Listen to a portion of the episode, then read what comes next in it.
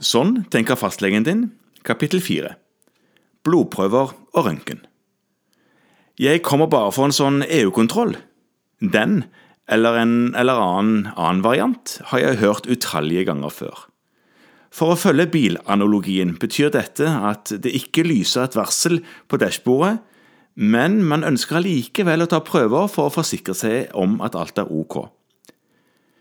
Pasienter som merker min skepsis, parerer noen ganger med at bilen får en slik sjekk uten at det lyser noe varselslampe noe sted.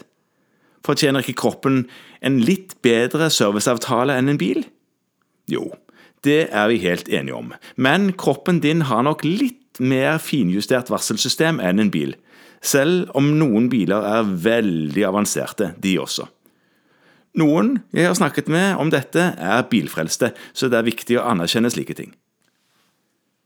Frida som er hos meg denne formiddagen, er ikke interessert i å snakke om bil, men brennende opptatt av å få tatt så mange blodprøver som mulig.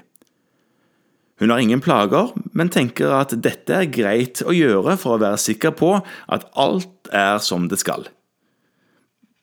Man kan jo enkelt henge med på logikken her, for når man først skal ta noen blodprøver, kan man vel ikke så godt krysse av for alt på skjemaet? Det slår meg at dette minner ganske mye om hvordan Richard tenkte i konsultasjonen tidligere i dag, som han leste om i kapittel tre, selv om problemstillingen nå er litt annerledes. En blodprøveverdi har et referanseområde. Dersom prøvesvaret ligger innenfor dette området, sier man at prøven er normal eller negativ. Ligger prøvesvaret over eller under, er det et unormalt eller positivt funn. Det er eh, et resultat som kan tyde på at noe ikke er som det skal. Måten man kommer fram til referanseområder på, er at man tar prøver av mange friske personer og regner statistikk på svarene man får. Ikke alle tallene er like, selv om alle testpersonene er friske. På samme måte er ikke alle gutter eller jenter som er russ et år, like høye, selv om de alle er stort sett like gamle. Man sier at høyden er normalfordelt. Det samme gjelder prøvesvarene, og man kan regne ut et gjennomsnitt. Det kan også regnes ut innen hvilke grenser så godt som alle høydene eller prøvesvarene vil ligge. Det er dette som er referanseområdet til prøven. Vanligvis sier vi at referansegrensen skal inneholde 95% av alle prøvesvarene. Dette betyr at selv noen friske personer, 5% vil ha et prøvesvar som ligger over eller under referanseområdet, selv om de er helt friske. 5% er det samme som 1 av 20. Jeg snakker med Frida om dette. Selv om hun eh, sier hun forstår alt dette, ønsker hun fortsatt å ta så mange tester som mulig. Hvis du ikke har noen symptomer, er det i utgangspunktet mindre sannsynlig at du har en sykdom. For en helt frisk person er altså sannsynligheten stor for at et positivt prøvesvar faktisk er falskt positivt. Er du derimot syk, og jeg mistenker sykdom, som gir økning i en markør i blodet, så vil et positivt prøvesvar mest sannsynlig være ekte positivt. Dette er veldig relevant for tilfeller som Frida som er helt frisk og bare vil ha en EU-kontroll. I slike tilfeller kan man forvente at ett av 20 prøvesvar vil havne utenfor referanseområdet, uten at det betyr at det egentlig er noe galt. Det vil være umulig for meg å si hvilke prøvesvar jeg kan stole på, og hvilke som mest sannsynlig kan avskrives. Moralen er altså å kun ta de prøvene som kan kaste lys over problemstillingen.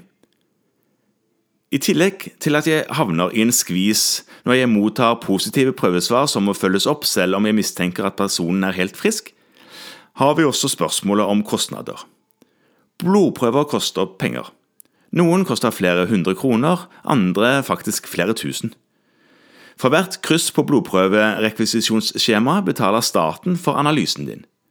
Som fastlege er jeg satt til å forvalte offentlige penger på en forsvarlig måte. Jeg synes ikke det går an å forsvare, verken medisinskfaglig eller økonomisk, å ta prøver uten at jeg kan argumentere for hvorfor jeg mener akkurat de prøvene er nødvendige. Å slenge på et ekstra kryss er altså ingen liten sak.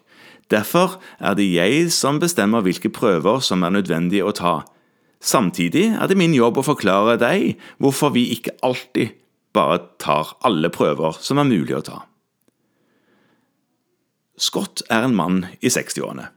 Han kommer til oppfølging litt før lunsj. Jeg har satt opp en dobbelttime, for det er mye som skal gjennomgås. Dette er en sykehistorie som startet noen måneder siden, etter at Scott var ferdig med en antibiotikakur mot lungebetennelse. Han hadde vært ganske dårlig, men behandlingen hadde hatt god effekt, og han ble frisk i løpet av en drøy uke. Jeg henviste ham til et røntgenbilde av lungene noen uker etter at behandlingen var ferdig. Dette ble tatt for om lag tre måneder siden, og viste ingenting galt. Alt vel og bra, men Scott er høyt på rangstigen i firmaet der han jobber. Siden han var litt redusert rett etter at infeksjonen var ferdigbehandlet, synes kollegaene at det var viktig å få undersøkt dette enda bedre. På et eller annet tidspunkt i denne prosessen hadde noen rekvirert et CT-bilde av lungene til Scott. Dette bildet viste ingenting galt med lungene.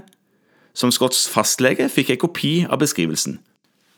Undersøkelsen bekreftet altså det jeg allerede visste ut fra røntgenbildet, og jeg hadde ingen mistanke om at det skulle feile Scott noe alvorlig utover en ordinær lungebetennelse.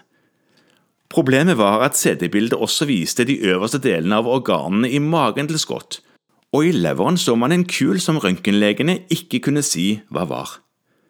De anbefalte at kulen ble undersøkt med ultralyd.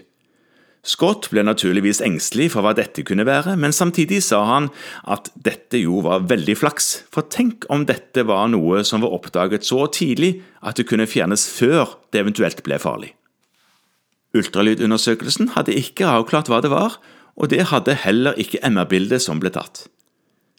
Siden ingen kunne si noe sikkert, besluttet spesialistene på det lokale sykehuset å ta en vevsprøve av kulen, selv om den lå litt vanskelig til.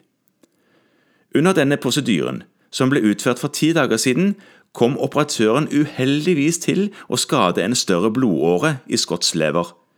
Og I stedet for et par små skikkhullsarr måtte de hasteåpne ham og operere for å stoppe blødningen. Det lave blodtrykket han hadde mens blødningen sto på, gjorde at nyrene til Scott fungerte dårlig, men dette var i orden igjen da han ble skrevet ut fra sykehuset noen dager etter hendelsen. Nå kommer altså Scott til oppfølging hos meg. Etter å ha fjernet agraffene, metallklips som kirurgene noen ganger bruker for å lukke et sår i stedet for å sy med tråd, har vi en lang prat. Han er glad for at det har gått fint, tross alt, men har en del vondt i magen etter alt han har vært igjennom. Han har fått beskjed om å ikke løfte tungt. Dette liker han dårlig, da det betyr at han må sette styrketreningen sin på pause. Det er faren for brokk som er det største problemet mens vevet gror. Vi må ta prøver for å sjekke at leveren fungerer som den skal, og at nyrene fortsatt gjør jobben sin. Slike prøver må vi fortsette med en periode inntil jeg er trygg på at alt er ok. Vevsprøven fra leveren viste seg å være normalt levervev. Noen røntgenleger sier litt flåsete at CT- og MR-maskiner er blitt så bra at ingen av dem lenger ser normale bilder. Det er alltid noe å beskrive, noe som man ikke kunne se på eldre maskiner hvor kvaliteten var dårligere.